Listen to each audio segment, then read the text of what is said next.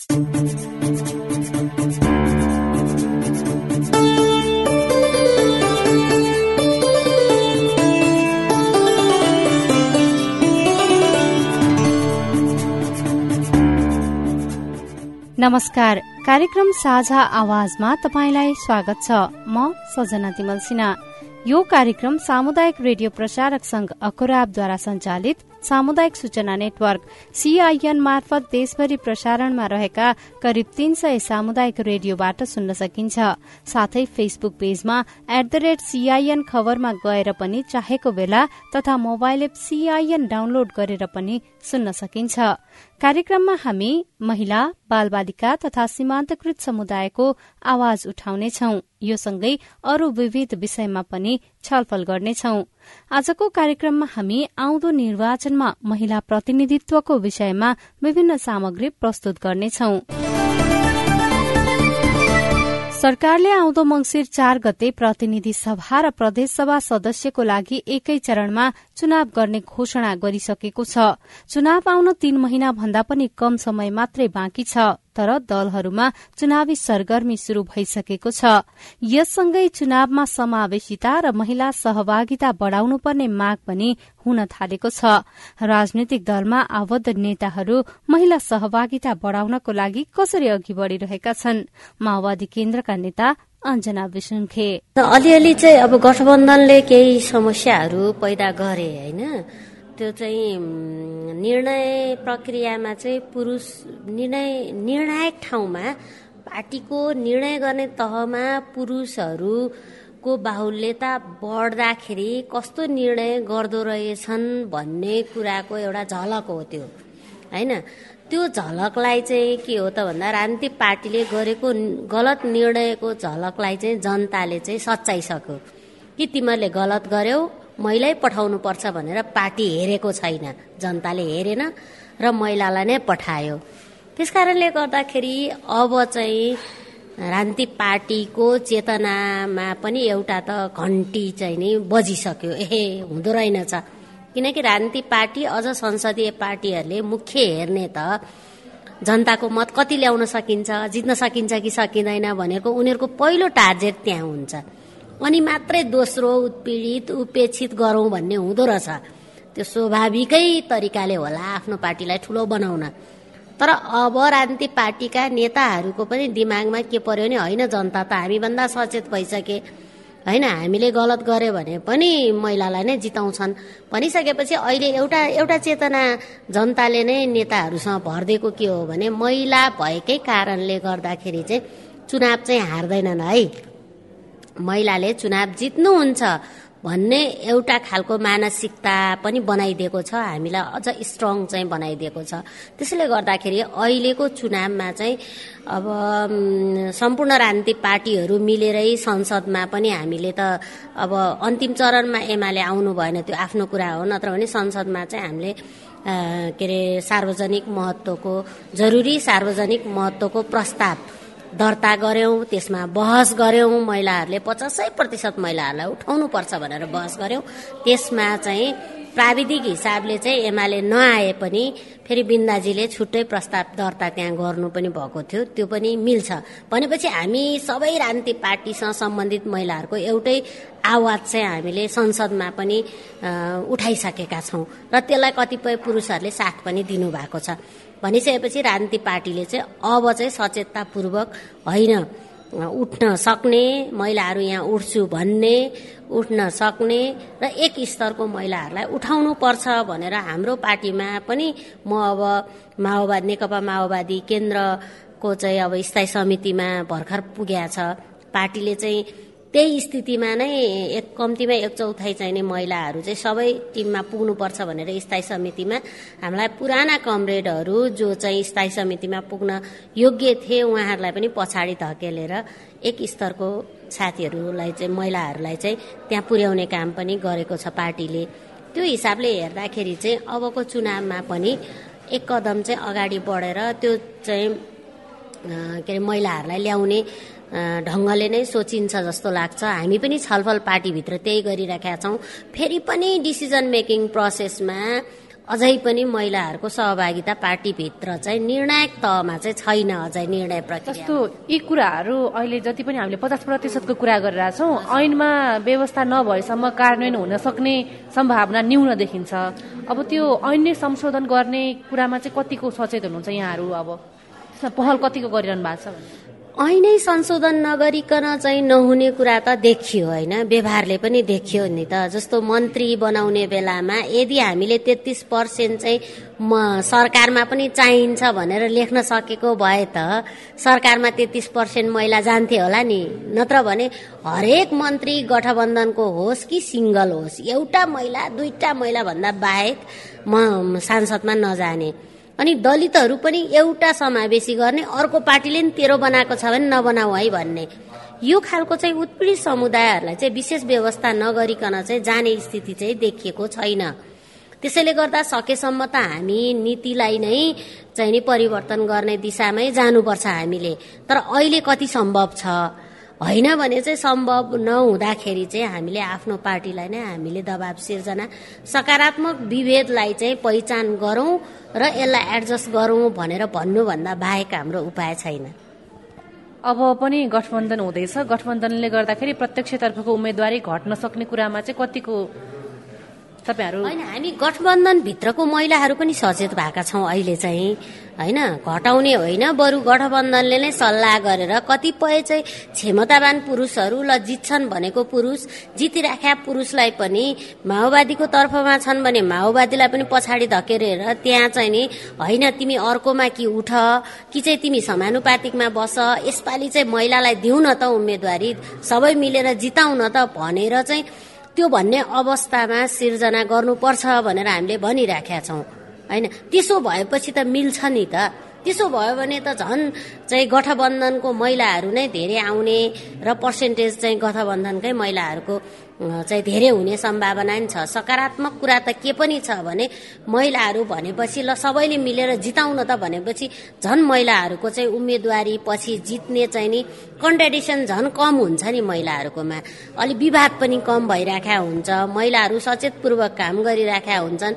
त्यसैले गर्दाखेरि महिलाहरूलाई चाहिँ अब शीर्षस्थ नेताहरूले चाहिँ बैठकहरूमा के केमा ध्यान दिने त? शीर्षस्थ नेताहरूलाई कहाँ कहाँ जिताउने भनेर ध्यान दिने कुराको एउटा बुदा चाहिँ महिलाहरू र उत्पीडित समुदायकाहरूलाई चाहिँ हामीले कहाँ कहाँ जिताउन सकिन्छ त? हामी कहाँ कहाँ चाहिँ सेक्रिफाइस गर्ने हो त? भनेर पार्टीका शीर्षस्थ नेताहरूले छलफल गरे गर्नु पर्दछ। अबको आवश्यकता त्यो हो र त्यो गरेको खण्डमा चाहिँ गठबन्धनमा विगतमा भएका चाहिँ जति विगतमा बेठिक ढङ्गले आलोचना भयो त्यसको चाहिँ नि विगतमा स्थानीय चुनावमा भएका कमजोरीहरूलाई चाहिँ अहिले सच्याउनु पर्छ र यसबाट चाहिँ गठबन्धनलाई फाइदा हुन्छ भन्ने कुरा चाहिँ मेरो उहाँ हुनुहुन्थ्यो माओवादी केन्द्रका नेता अञ्जना विसुन्खे चुनावमा महिला सहभागिता बढ़ाउनको लागि आफ्नै पार्टीभित्र दबाव दिनुपर्नेमा जोड़ दिँदै नेपालको संविधानले व्यवस्था गरेको लैंगिक तथा समानुपातिक समावेशी सिद्धान्त एवं निर्वाचन सम्बन्धी कानूनले निर्दिष्ट गरेका लैंगिक तथा समावेशी व्यवस्थाले निर्वाचन प्रक्रियालाई लैंगिक समानतामूलक तथा समावेशी बनाउन बाटो खोलेको छ। तर ती नीतिको कार्यान्वयन नहुँदा उनीहरूको राजनैतिक अधिकार खोसिएको छ। नेकपा एकीकृत समाजवादीका केन्द्रीय सदस्य भवानी खड्कालाई साथी सुशीला श्रेष्ठले महिला प्रतिनिधित्व नघटोस् भन्नका लागि के पहल गर्नु भएको छ भनेर पहिलो प्रश्न गर्नुभएको छ। हाम्रो पार्टीको तर्फबाट हामी ले चाहिँ जुन संविधानमा उल्लेखित अनुसार तेत्तिस प्रतिशत चाहिँ महिलाहरू अनिवार्य उम्मेद्वार हुनुपर्छ त्यो चाहिँ प्रतिनिधि सभा प्रत्यक्षदेखि लिएर समानुपातिक त्यसपछि प्रदेश सभाको समानुपातिक र प्रत्यक्ष चुनावमा महिला सहभागिता चाहिँ तेत्तिस प्रतिशत बढाउनुपर्छ भन्ने हामीले पहल गरिरहेका छौँ। सम्भवतः हाम्रो पार्टीले अहिलेसम्म उदाहरण छ कि गएको गत राष्ट्रिय सभाको चुनावमा चारजना महिला उम्मेद्वार उठाएर गठबन्धनको तर्फबाट नै विजयी गर्ने नेकपा समा एकीकृत समाजवादले त्यो देखाइसकेको छ। त्यसर्थ हामीलाई विश्वास छ र हामीले हाम्रो पहल जारी छ। नेकपा यसले आगामी चुनावमा प्रतिनिधि सभा र प्रदेश सभामा महिलाको तेत्तिस पर्सेन्ट अझ बढी चाहिँ पहल गर्नेछ भन्ने हाम्रो माग रहेको छ। यो निर्वाचनमा चाहिँ महिलाको प्रतिनिधित्व बढाउनका लागि चाहिँ अहिले जति पनि अभ्यास प्रयासहरू भइरहेछन् त्यो कार्यान्वयन नभएको जस्तो देखिन्छ होइन? वास्तवमा महिलाहरूको राजनीतिक सेक्टर मात्र होइन अन्य सवालमा पनि महिलाहरू कमजोर हुनेको मुख्य कारण भनेको के हो त भन्दा आर्थिक नै हो। जबसम्म महिलाहरू आर्थिक रूपमा सबल हुन सक्छन् सक्षम हुन सक्छन् उनीहरूको हरेक सेक्टरमा उनीहरू सफल हासिल गर्न सक्छन्। पहिला पहिलाको अवस्थामा हेर्नुपर्दा हरेक कुरामा महिलाहरूले आर्थिक निर्भरता पुरुषको अथवा भनौँ घरको मुख्य मालिकको भरमा पर्नु पर्थ्यो भने आजभोलि हामीले के देखेर अलिकति परिवर्तन आएको छ? आजभोलि महिलाहरू चुप छैनन्। आजभोलि महिलाहरू अरूको कुरा गनेर बस्न भ्याउँदैन आजभोलि महिलाहरू धुप बाँट्नेदेखि लिएर एउटा अफिस एउटा चाहिँ विभिन्न सेक्टरमा महिलाहरू अग्रस्थान हासिल गर्न गइसकेका छन्।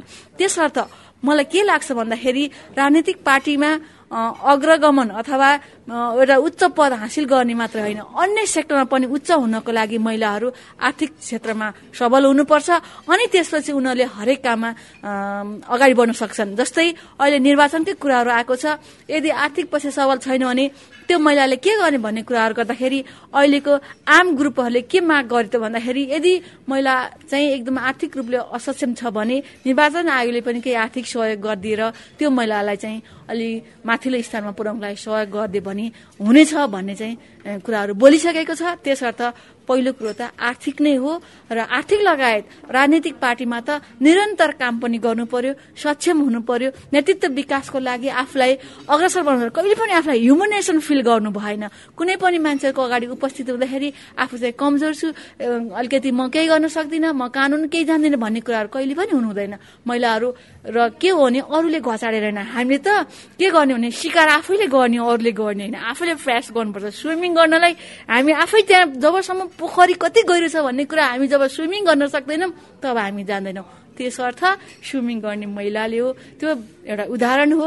त्यसर्थ आफूलाई पोलिटिक्स मात्रै न अन्य सेक्टरमा अगाडि बढ्नुको लागि तपाईँ नै भन्नुहोस् तपाईँ पनि एउटा संसारिका क्षेत्रमा काम गर्नुभएको छ। तपाईँ एक्टिभ नभएसम्म तपाईँलाई यो सब्जेक्टमा रुचि नभएसम्म त कसरी सफल हुन सक्नुहुन्छ भन्ने मलाई लाग्छ। त्यसर्थ आगामी चुनावमा पनि महिलाहरूले वास्तवमा सफलता हासिल गर्नको लागि आफूलाई सक्षम बनाउने आफ्नो कोअर्डिनेसन हरेक सेक्टरमा गर्दै लैजाने र आफ्नो निरन्तर कार्यमा चाहिँ आफ्नो कार्यस्थल जहाँ हो पोलिटिक्स होस् अरू ठाउँमा त्यसमा निरन्तर लागेर दृढपूर्वक सङ्कल्प सहित आफूलाई एक्टिभ गराउनु मुख्य कुरो चाहिँ भित्री मनबाट म केही भन्छु भन्ने चाहिँ आफूलाई हुनुपर्छ गर्न सक्छु। म गर्न सक्दिनँ होइन गर्न सक्छु। गर्न सक्छु भन्दा भन्दै पनि राजनैतिक दलले टिकट नै नदिएपछि त उम्मेदवारी दिने कुरा पनि हुँदैन होइन? टिकट नै नदिने खालको कुराहरू पनि सुनिन्छ नि त। यो चाहिँ सत्य हो कि होइन? टिकटै दिँदैन भन्नु त कुरोहरू उठिरहेका छन् धेरै पार्टीहरूमा त्यो उठेको छ तर म के भन्न चाहन्छु भन्दा अब अहिले धेरै कुराहरू आइछन् जस्तै भनौँ एजका कुराहरू पनि अबका आगामी ऐन नियम कानुनहरू पनि केही चेन्ज हुनेवाला छन्। जस्तै एउटै व्यक्ति कति पटक चुनावमा उठ्ने हो भन्ने कुराहरू आएको छ। त्यसमा एकपटक पाइन दुई पटक पाइन भनेर आफू पार्टीमा के त अब कामै नगर्ने त? के त हामी पार्टीमा काम गर्नु मन्त्री हुनको लागि मात्रै हो त? के त लिडर भनेको मन्त्री हुने मात्रै होइन नि? वास्तवमा हाम्रो सोसल र सांस्कृतिक धार्मिक हरेक कुरालाई चेन्ज गर्ने भने म लिडर छु भने मैले अहिले यहाँ सिकेका कुराहरू मैले एउटा प्रशिक्षणको रूपमा मैले आम रूपमा लैजान सक्छु। सांसदको भन्दा बढी भूमिका मैले निर्वाह गर्न सक्छु। तर मनमा हुनु पर्यो नि जागरण हुनु पर्यो नि। सांसदै हुन्छु भने सेल्फिस अथवा भनौँ सकेसम्म हामी सांसद हुने हो। सकिँदैन भने त्यही पोलिटिक्स सेक्टरबाट अन्य ठाउँमा हामीले समाजलाई अप्रत्यक्ष रूपमा धेरै योगदान पुर्याउन सक्छौँ सक्छौँ भन्ने मलाई लागेको छ। आगामी निर्वाचनमा मैले फेरि पनि जोडेँ। महिलाहरूको प्रतिनिधित्व सुनिश्चित गर्नको लागि चाहिँ के गर्न ठ्याक्कै के गर्नुपर्छ राजनीतिक दलले? आगामी निर्वाचनमा महिलाको सशक्तिकरणको लागि वास्तवमा तेत्तिस प्रतिशत महिला उठाउनै पर्छ। त्यसमा विभिन्न मधेसी जनजाति खस आर्य त्यसपछि अन्य लगायत सबै पक्षलाई चाहिँ आदि इत्यादि सबै पक्षलाई समेटेर लैजानुपर्छ। जेन्डर इक्वालिटी र इक्वालिटीलाई पनि समावेश गर्नुपर्छ। अघि भने जस्तै विभिन्न खालको अपाङ्गता भएको होइन त्यस्तै गरेर अरू एउटा ज्येष्ठ एउटा साङ्केतिक रूपमा जानुभएको उहाँहरू सबैलाई लैजानुपर्छ। र पार्टीले वास्तवमा सही रूपमा निरन्तर रूपमा लागेको एक्टिभ महिलालाई अगाडि बढाउनुपर्छ। उनीहरूलाई ब्याक गर्नु हुँदैन कुनै हातमा ब्याक गर्नु हुँदैन। मेरो पहल यसैमा जारी रहन्छ। उहाँ हुनुहुन्थ्यो नेकपा एकीकृत समाजवादीका केन्द्रीय सदस्य भवानी खड्का। चुनावमा महिला प्रतिनिधित्व बढ़ाउन आफूहरू लागि परेको बताउँदै अब भने नेपाली कांग्रेस बीपी पार्टीका महामन्त्री इन्दिरा अधिकारीको कुरा सुनौ। अबको संविधानमा महिलाहरूको सहभागिता सुनिश्चित गर्नको लागि यो राज्यले सबभन्दा पहिला त महिलालाई सुरक्षा छैन सुरक्षाको चाहिँ र प्रत्याभूति गर्नु पर्यो।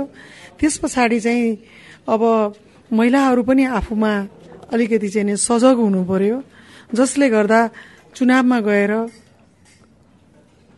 मैदानमा उत्रिएर आफ्नो चाहिँ नि हक अधिकारलाई चाहिँ नि खोज्न पनि चाहिँ नि स्वस्फूर्त हुनु पर्यो भन्ने मेरो आफ्नो किसिमको चाहिँ नि धारणा छ।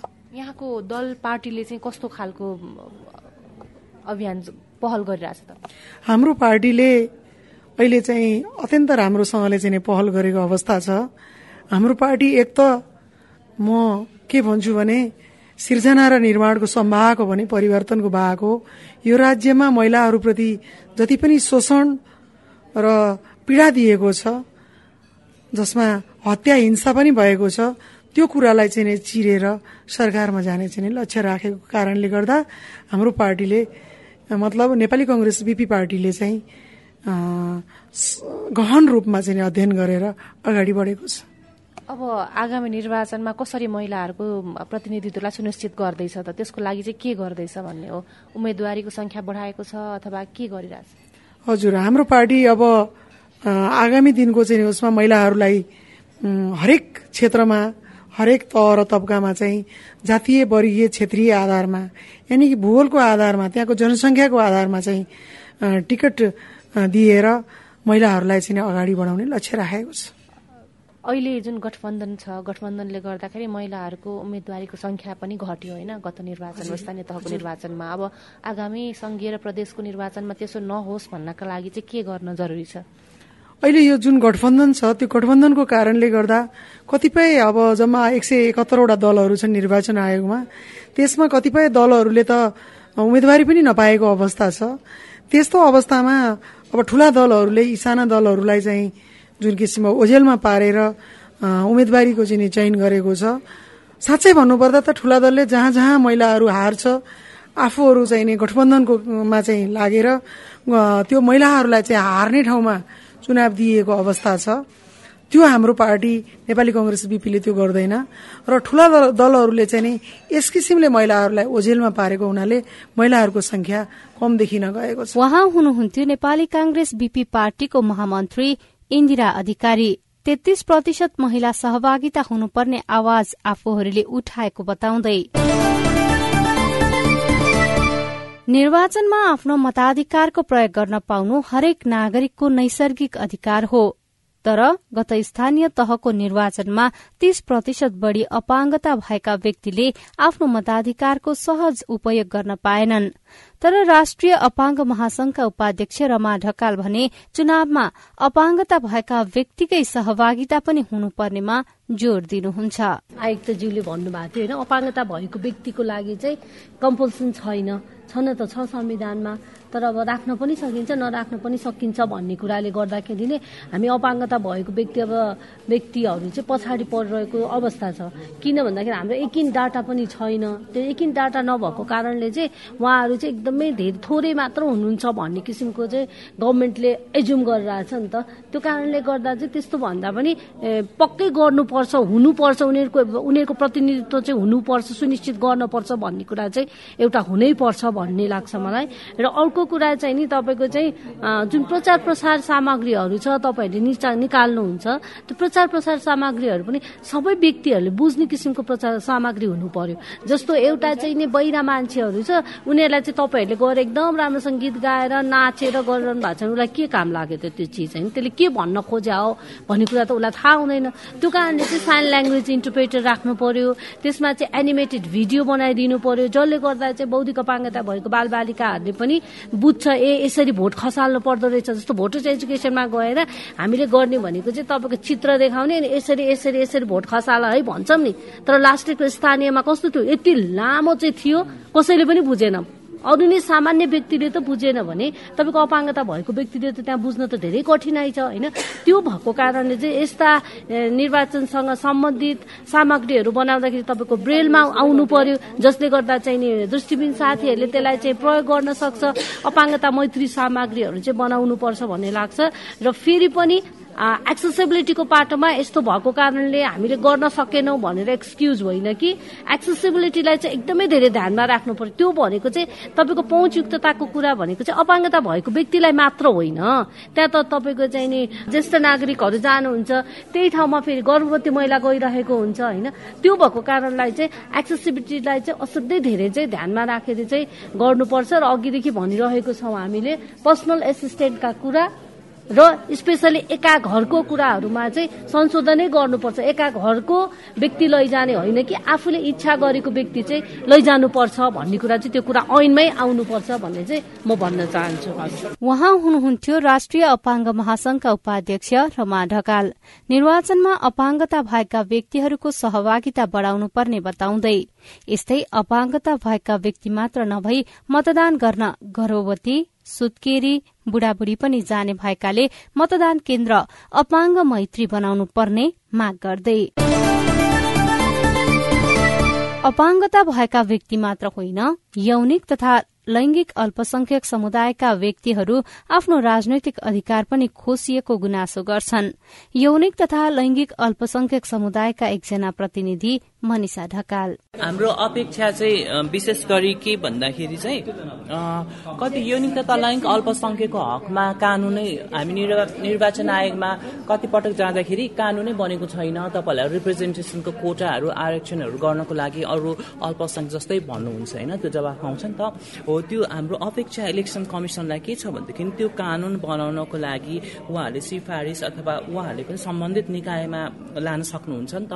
त्यसलाई कन्सोलिडेट गरेर चाहिँ त्यो कानून बनाउनको लागि सिफारिस दिने पनि एउटा अपेक्षा हामीले राखेका छौँ भनेदेखि यस्तै खालको J C J C related वर्कसपहरू organise गर्नुहुन्छ भनेदेखि हामीलाई इन्क्लुड गराइदिनु होला।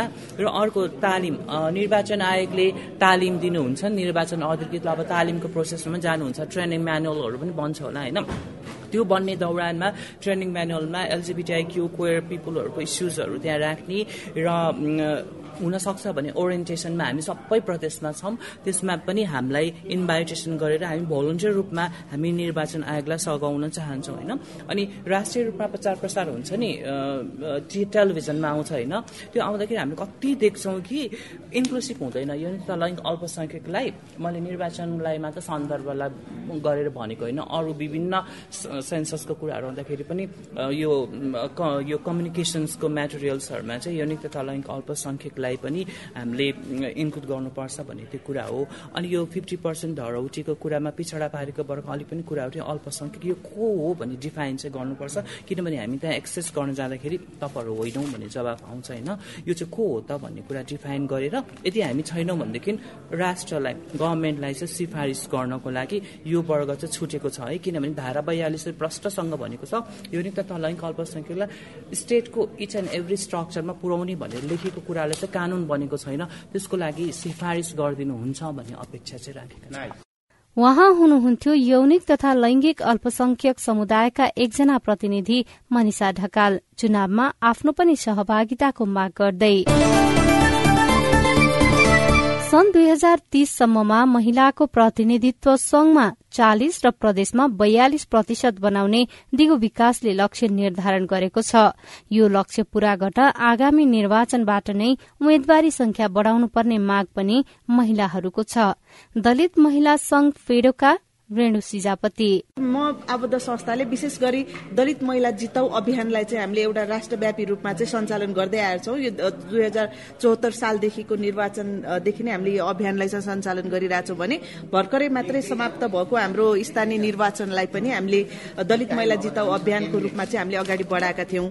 र त्यसमा चाहिँ हामीले सोसियल मिडिया क्याम्पेन भयो रेडियो यो रेडियो क्याम्पेनहरूदेखि लिएर पोस्टर पम्पलेटहरू छाप्नेदेखि लिएर डोर टु डोर क्याम्पेनहरू चाहिँ विशेष हामीले सञ्चालन गरेका थियौँ। मक हामीले यो नमुना मतदान केन्द्रहरू बनाएर मक यो इलेक्सनहरू गराएर हामीले यो स्याम्पलिङ रूपमा चाहिँ हामीले गरेका थियौँ भने त्यो लगायत हामीले भोटर एजुकेसन र सिभिक राइट एजुकेसनमा चाहिँ थोरै मात्रामा हामीले काम गर्ने अवसर पनि पाएका थियौँ। र आगामी निर्वाचनमा यो प्रदेश र संघको निर्वाचनलाई पनि हामी यसलाई निरन्तरता दिने चाहिँ हाम्रो संस्थाले काम थालनी गरेको छ। साथै अहिले हामीले चाहिँ के गरिरहेका छौँ त भन्दाखेरि अब अघि मात्रै हाम्रो मान्यज्यूले भन्नुभयो दलहरूले चाहिँ यो मेनिफेस्टो आफ्नो घोषणा पत्र चाहिँ तयारीमा जुटिसकेको अवस्थामा चाहिँ म आबद्ध संस्थाले चाहिँ दलित महिला पर्सपेक्टिभबाट चाहिँ अबको घोषणा पत्रमा के कस्ता कुराहरू हुनुपर्छ भनेर चाहिँ हामीले एउटा ड्राफ्ट चाहिँ तयार पारिसकेका छौँ। साथै हामीले स्थानीय निर्वाचनको अवस्थामा पनि दलहरूले तयार पारेको घोषणा पत्रहरूलाई चाहिँ विश्लेषण गरेर चाहिँ दलहरूलाई चाहिँ हामीले ह्यान्डओभर गरेका